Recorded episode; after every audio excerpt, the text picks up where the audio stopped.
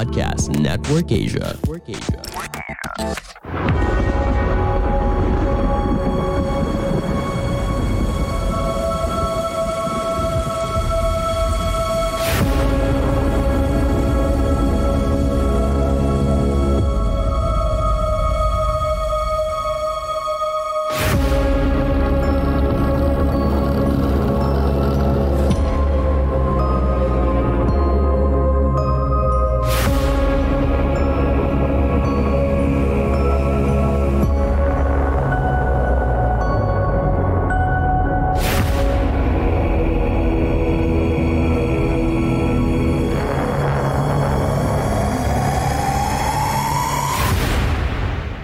Halo semuanya.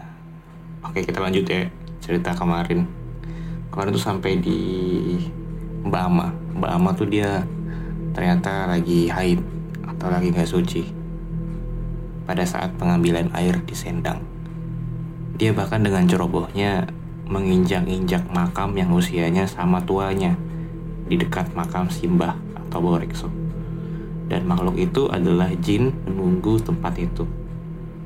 Aku melihat Pak Junet memijat kelingking Mbak Ama sambil terus membisikkan sebuah kalimat di telinga kirinya.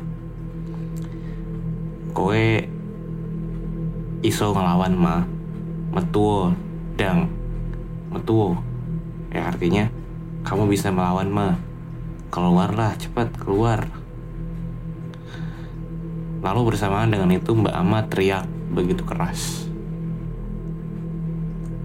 Kata Pak Junet, itu adalah reaksi ketika roh Mbak Ama merebut kembali posisi yang sedari tadi dikendalikan oleh makhluk yang sempat aku lihat di lapangan sehari sebelum pementasan. Makhluk yang menyeringai di balik pohon bambu yang tubuhnya sekitar 2 meter dengan bulu lebat menyelimuti seluruh tubuhnya dan matanya merah menyala. Perlahan kulihat wajah Mbak Ama kembali memulih tapi kata Mbah Duroji, Ojo gowo bali diki. Ben cah iki turu neng kene, rung dino nganti telung dinonan. Jun, aku samar mergo cah iki nono pagere. Yang artinya jangan dibawa pulang dulu, biar aja anaknya tidur di sini dua hingga tiga hari. Aku khawatir karena dia tidak ada pelindungnya. Baru saja Mbah Duroji selesai mengatakan itu, Mbak Ama yang masih berada di posisi menyender di pahaku tiba-tiba mengiki tidak karuan. Sialan, isi lagi. Umpatku yang sudah merasa ingin pulang. Maksudnya, kerasokan lagi nih Mbak Ama. Jujur saja, saat itu aku sangat merasa lelah aneh padahal aku tidak melakukan apa pun. Aku juga tidak ikut pentas. Tidak biasanya aku merasa seluruh tubuhku dingin dan badanku lemas. Jadi aku sangat jengkel ketika tahu ada makhluk lain yang malah ikut masuk lagi ke tubuh Mbak Ama.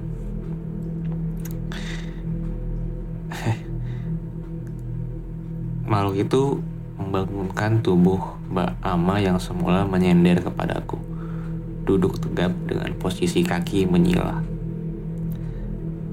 Ngapunten, Sinten? Tanya Mbah Ijem yang sudah paham jika ada makhluk lain yang masuki Mbah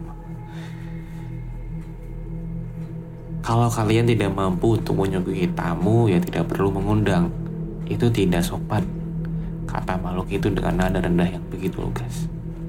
Aku yakin ini bukan makhluk biasa. Aku bisa merasakannya dari energi yang ada di rumah Pak Junet saat itu. Aku merasa hawa di rumah tiba-tiba berubah sejak berubah sejuk dan tidak ada rasa terintimidasi seperti sebelumnya. Dan ya, sesuai praduga aku, Mbah Doroji langsung mencium tangan makhluk itu. Itu tandanya Mbah Doroji paham betul dengan siapa dia berhadapan saat itu.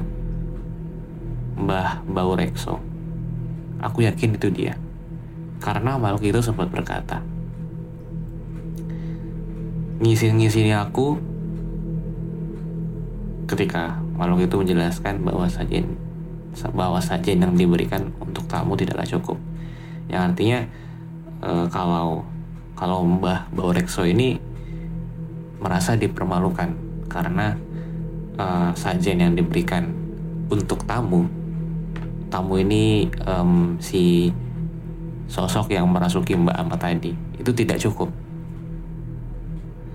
dia meminta ke depannya jika mengadakan pementasan jangan pernah ada yang kurang apa pun juga. Baik itu ritual maupun sajen yang harusnya disiapkan. Jangan pernah menabuh gamelan jika tidak mengundang jangan mengundang jika tidak berniat memberi suguhan. Sore itu aku ingat Pak Junet segera menyuruh orang untuk mencarikannya ayam cemani satu telur jawa bunga dan menyan lalu ditemani dengan Mbah Doroji. Disembelilah ayam itu dan disajikan dengan sajian lain di makam tua yang kami yakini makam Simbah Borekso. Dan kalian tahu apa? Lebih kaget lagi ketika aku akhirnya datang ke panggung pementasan atas dasar ajukan atas dasar ajakan Pak Junet, aku melihat banyak sekali orang kesurupan yang sulit disembuhkan. Padahal biasanya kesurupan menjadi hal yang lumrah, yang kemudian akan mudah disembuhkan oleh sesepuh kampung kata Mbah Dok. Mbah Dok ngomong gini, itu semua salah panitia. Panitia-panitia masih anak-anak, menyepelekan simbah yang sudah sejak dulu ada. Aku juga masih sangat ingat karena acara yang masih yang makin tidak kondusif, banyak penari yang kesurupan tanpa bisa dinetralkan. Akhirnya Sesepuh sepakat menghentikan pertunjukan begitu saja. Mereka yang kerasukan dibawa ke rumah Pak Junet, diadakan ritual perjanjian dan permohonan maaf kepada leluhur dengan kembali menyembelih beberapa ayam untuk syarat. Dan untuk pertama kalinya, aku merasa ngeri dengan dampak yang ditimbulkan oleh tarian itu. Bahkan aku ingat ada salah seorang yang baru bisa sembuh setelah dua hari diobati di rumah Pak Junet. Baru dua hari. Maksudnya setelah dua hari baru bisa sembuh. Perlahan aku jadi paham bila mana selama ini aku sudah terlalu jauh memaksakan egoku, memaksakan membangunkan kesenian yang sudah lama tertidur tanpa persiapan matang, bahkan mengabaikan kehadiran leluhur yang memang benar adanya. Aku jadi ingat semua yang terlibat diminta berkumpul ke rumah Pak Junet hari itu. Semua panitia dinetralisir atau dibersihkan oleh Mbak Duroji dan Mbak Ijem Malam itu aku diminta ikut menginap di rumah Pak Junet. Masih membekas di otakku, Mbak Ejem menyuruhku ikut berkumpul di atau dengan sesepuh lain, lalu diberikannya parutan kunyit di keningku. Lalu berkata, Nak, aku mau tanya, tapi maaf, jangan dimasukkan ke hati. Nggih, kepripun mbah? Tanyaku dengan membungkukkan badan agar lebih dekat dan terkesan sopan dengan Mbah Ijem. Yang biasa menari denganmu itu siapa? Tanya Mbah Ijem yang berhasil membuatku mengernyitkan dahi. Bingung. Oh, ternyata selama ini tidak tahu jika kamu menari tidak pernah sendirian toh. Ya udah, karena dia juga tidak ganggu, aku tidak berani mengusir karena memang tidak bisa diusir. Tenanglah. Bah, maaf, apakah itu dari Mbah Nang? Karena dulu Mbah Nang senang sekali ketika tahu saya suka seni. Aku aku dewe yo gak aruh, Aku sendiri gak tahu. Aku gak yakin dan merasa tidak pas jika diharuskan menjawab. Yang jelas, kamu anak cantik, kesayangan Mbah Nang. Ingat, kamu itu balung kuning. Jadi, aku tidak bisa menjawab siapa saja yang ada di belakangmu. Jelas Mbah Ijem yang tersenyum manis sembari mengelus kedua pang kedua punggung tanganku. Sejak tahun itu, aku mulai jarang pentas ke sana kemari Aku bahkan perlahan benar-benar vakum dari dunia kesenian. Tidak lagi pentas di pendopo wali kota, tidak lagi pentas di pusat kota ataupun di kampung. Padahal sebenarnya dulu ketika aku mendapat panggilan ke pendopo kota, aku benar-benar merasa seperti liburan menjauh dari kampungku yang kecil ini. Jujur aku merindukannya. Tapi berat rasanya aku jika aku tetap menari ketika aku menyadari bahwa aku tidak menari sendirian. Berat rasanya aku harus menerima bahwa aku tidak sepenuhnya menari atas diriku sendiri. Jadi sebelumnya teruntuk Bah Nang yang aku sayangi Al-Fatihah. Bah, pangapunten cahayumu ini milih boten melih nerusaken penopo ingkang sampun Bah Nang mulai. Untuk semua pembaca yang antusias membaca hingga jutaan terakhir saya, matur sembah nuwun, saya pribadi mohon maaf jika masih ada banyak kekurangan yang ditemui. Sekali terima kasih.